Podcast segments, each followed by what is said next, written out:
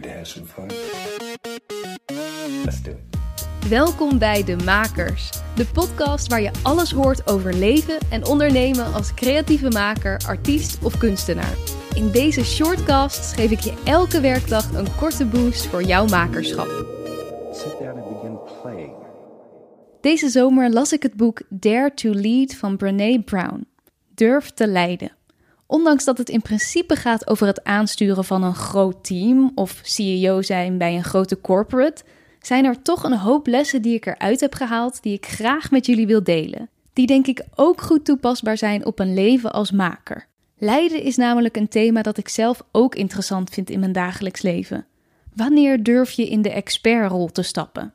Wanneer durf je te leiden?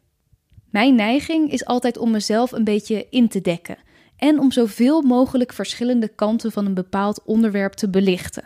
Ik kan me in iedereen inleven en ben zo genuanceerd mogelijk. Dat is voor mij belangrijk, omdat ik altijd geloof dat er meerdere kanten zijn aan elk verhaal. Maar als ik als maker word geïnterviewd of als ik iets deel van mijn werk, is het belangrijk om soms ook gewoon stelling in te durven nemen. Ik doe dit zo omdat dit. Dit is belangrijk omdat. Je hebt over je werk nagedacht. Je weet waarom je bepaalde keuzes hebt gemaakt. Ga daar ook achter staan. Ook op andere momenten is het belangrijk om als maker de leiderschapsrol aan te durven nemen.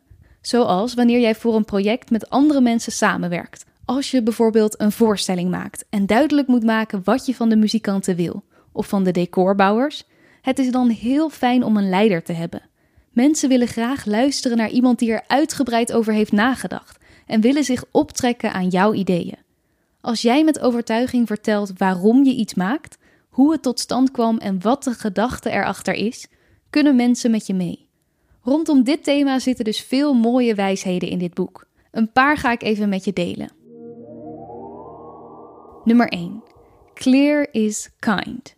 Ik hoorde laatst iemand vertellen dat hij heel conflictvermijdend is. Dat hij het heel vervelend vindt als mensen hem onaardig vinden.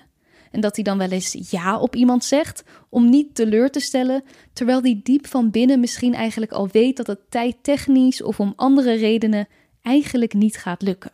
Maar dat niet direct durft te zeggen.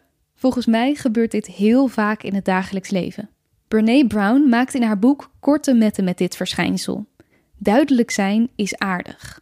Onduidelijk zijn is juist onaardig meetings verschuiven omdat je toch eigenlijk geen tijd hebt voor het project, maar ook geen nee wilde zeggen, iemand halve feedback geven waardoor die persoon niet echt weet waar die aan toe is, zijn alleen maar dingen waardoor je het vervelender maakt voor een ander. Want je zadelt mensen op met een onduidelijke situatie. Je had iedereen tijd en onzekerheid kunnen besparen. Een paar shortcasts terug had ik het over feedback ontvangen. Maar hoe je op een juiste manier feedback kan geven, is als maker uiteraard ook heel belangrijk. Een voorbeeld. Jij werkt als muzikant samen met een fotograaf die voor jou artwork gaat maken voor je album. In jouw hoofd heb je helemaal helder wat je wilt. Maar na een eerste sessie krijg je opeens werk terug wat er totaal anders uitziet dan jij in gedachten had. Wees dan eerlijk. Leg duidelijk uit hoe jij het anders zou willen zien. Draai er niet omheen, maar wees to the point en doe het zo snel mogelijk. Nummer 2. Rumbelen. Uiteraard wil je een situatie zoals ik hiervoor beschreef liever voorkomen. Een term die Brene veel gebruikt is rumbelen en gaat over de manier waarop je met elkaar praat over bijvoorbeeld zo'n fotografieopdracht. In leiderschap is het heel belangrijk om ook open te staan voor de suggesties van anderen. Stel je voor, je maakt dus een album en jouw idee is dat de fotografie daarvoor kleurrijk moet zijn rumble of overleg dan met elkaar over de term kleurrijk. Wat betekent dit voor jou? Wat betekent dit voor een ander? Zijn dit kleine kleuraccenten? Zijn dit donkere kleuren of juist licht? Dit klinkt misschien allemaal heel logisch, maar dit zijn onderlinge miscommunicaties die zo snel gemaakt worden. Geef op het begin van een meeting, of zelfs ook nog voor je de fotoshoot start nog een keer, een extra mogelijkheid om te rumbelen. Zijn er dingen waar anderen nog onzeker over zijn? Of die onduidelijk zijn? Geef deze ruimte.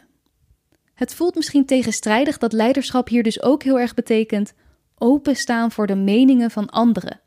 Maar het betekent vooral Mensen de ruimte geven om hun visie te delen, zodat jij onzekerheden weg kunt halen en zorgt dat je het samen nog beter maakt. Dat is leiderschap. Niet klakkeloos je eigen ideeën declameren en ervan uitgaan dat iedereen het maar moet snappen. Nummer 3. Waarde. In Shortcast 116 geef ik een aantal opdrachten om erachter te komen wat jouw kernwaarden zijn. Als jij helder hebt wat jouw waarden zijn, heb je ook helder hoe je in bepaalde situaties wilt handelen. Volgens Bernet is het belangrijk om één of maximaal twee kernwaarden te kiezen. Dan heb je duidelijke ankerpunten en is het altijd helder welke keuze je moet maken in een moeilijke situatie. Een belangrijke kernwaarde van Brené is bijvoorbeeld moed. Zij gaf het voorbeeld van een vergadering waarin iemand een onbedoeld stereotyperende opmerking maakte over een ander. Ze had het kunnen laten gaan, maar omdat haar kernwaarde moed is, vraagt ze zich op zo'n moment af: wat is nu moedig om te doen? En spreekt ze de persoon die deze opmerking maakt aan. Dus betrek dit eens op jouw makerschap. Misschien vind je het spannend om een bepaald nieuw werk te delen. Met de kernwaarde moed in gedachten weet je dat je het toch gaat delen, ondanks je angst. Is jouw kernwaarde verbinding? Zal je het misschien eerst delen met een goede vriend en daarna pas met de rest van de wereld? Het zijn soms subtiele verschillen en soms hele grote. Duik hier eens in en kijk wat het met je doet. 4. De verhalen die we onszelf vertellen in ons hoofd. In elke situatie die je maar kunt bedenken, vertellen we onszelf verhalen in ons hoofd. Zeker als we niet alle informatie hebben, gaan je hersenen de onbekende delen invullen. Als je in je hoofd een verhaal rond hebt gemaakt, krijg je daar een goed gevoel bij. Ook al klopt dit verhaal misschien helemaal niet. Een voorbeeld. Je zit in een meeting en deelt een idee. Iedereen reageert enthousiast, behalve één iemand. Die is wat stiller. Opeens bedenk je je dat deze persoon ook al niet echt hoi had gezegd toen je vandaag binnenkwam. En weet je het zeker? Deze persoon mag jou niet. Vindt jouw ideeën slecht en daar had hij het vast ook over toen je hem met een andere collega hoorde fluisteren vlak voor de meeting. Je hebt nu een rond verhaaltje gecreëerd in je hoofd. De gedragingen die je niet gelijk kon plaatsen, heb je een context en invulling gegeven. Hiervoor krijg je een beloning van je hersenen. Die zijn blij dat er weer iets is opgehelderd. En dit zal je alleen nog maar versterken in je geloof in het verhaal. Terwijl er in zo'n situatie natuurlijk nog duizend andere mogelijke verhalen zijn. Misschien gaat deze persoon thuis wel door een vervelende situatie heen. Is die daarom wat stiller en heeft hij dat alleen aan collega X toevertrouwd toen ze er samen over aan het fluisteren waren? Dit soort verhalen creëren gebeurt non-stop in ons hoofd.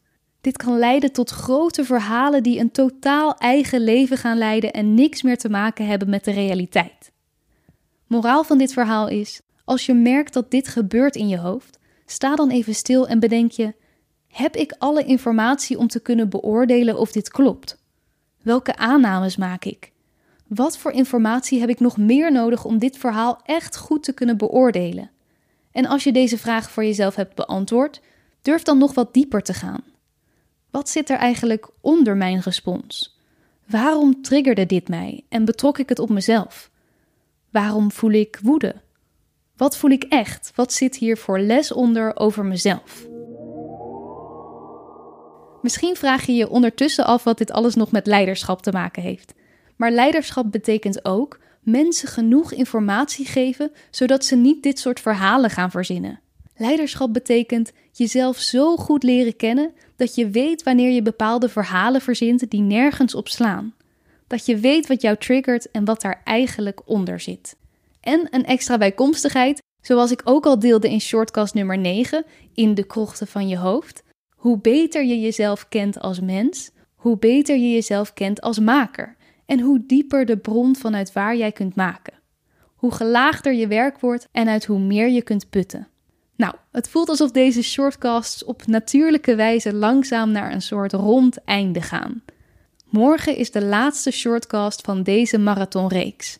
Heel september lang heb ik elke werkdag een korte wijsheid of creatieve boost met je gedeeld. Morgen in de allerlaatste zal ik mijn bevindingen hiervan delen.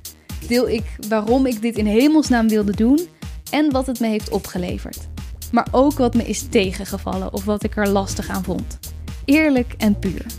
Volgens mij is dat ook leiderschap. Veel maakplezier en tot de volgende. Vond je dit een interessante of leuke aflevering? Heb je er iets aan gehad? Volg of abonneer je dan op de makers in de podcast-apps.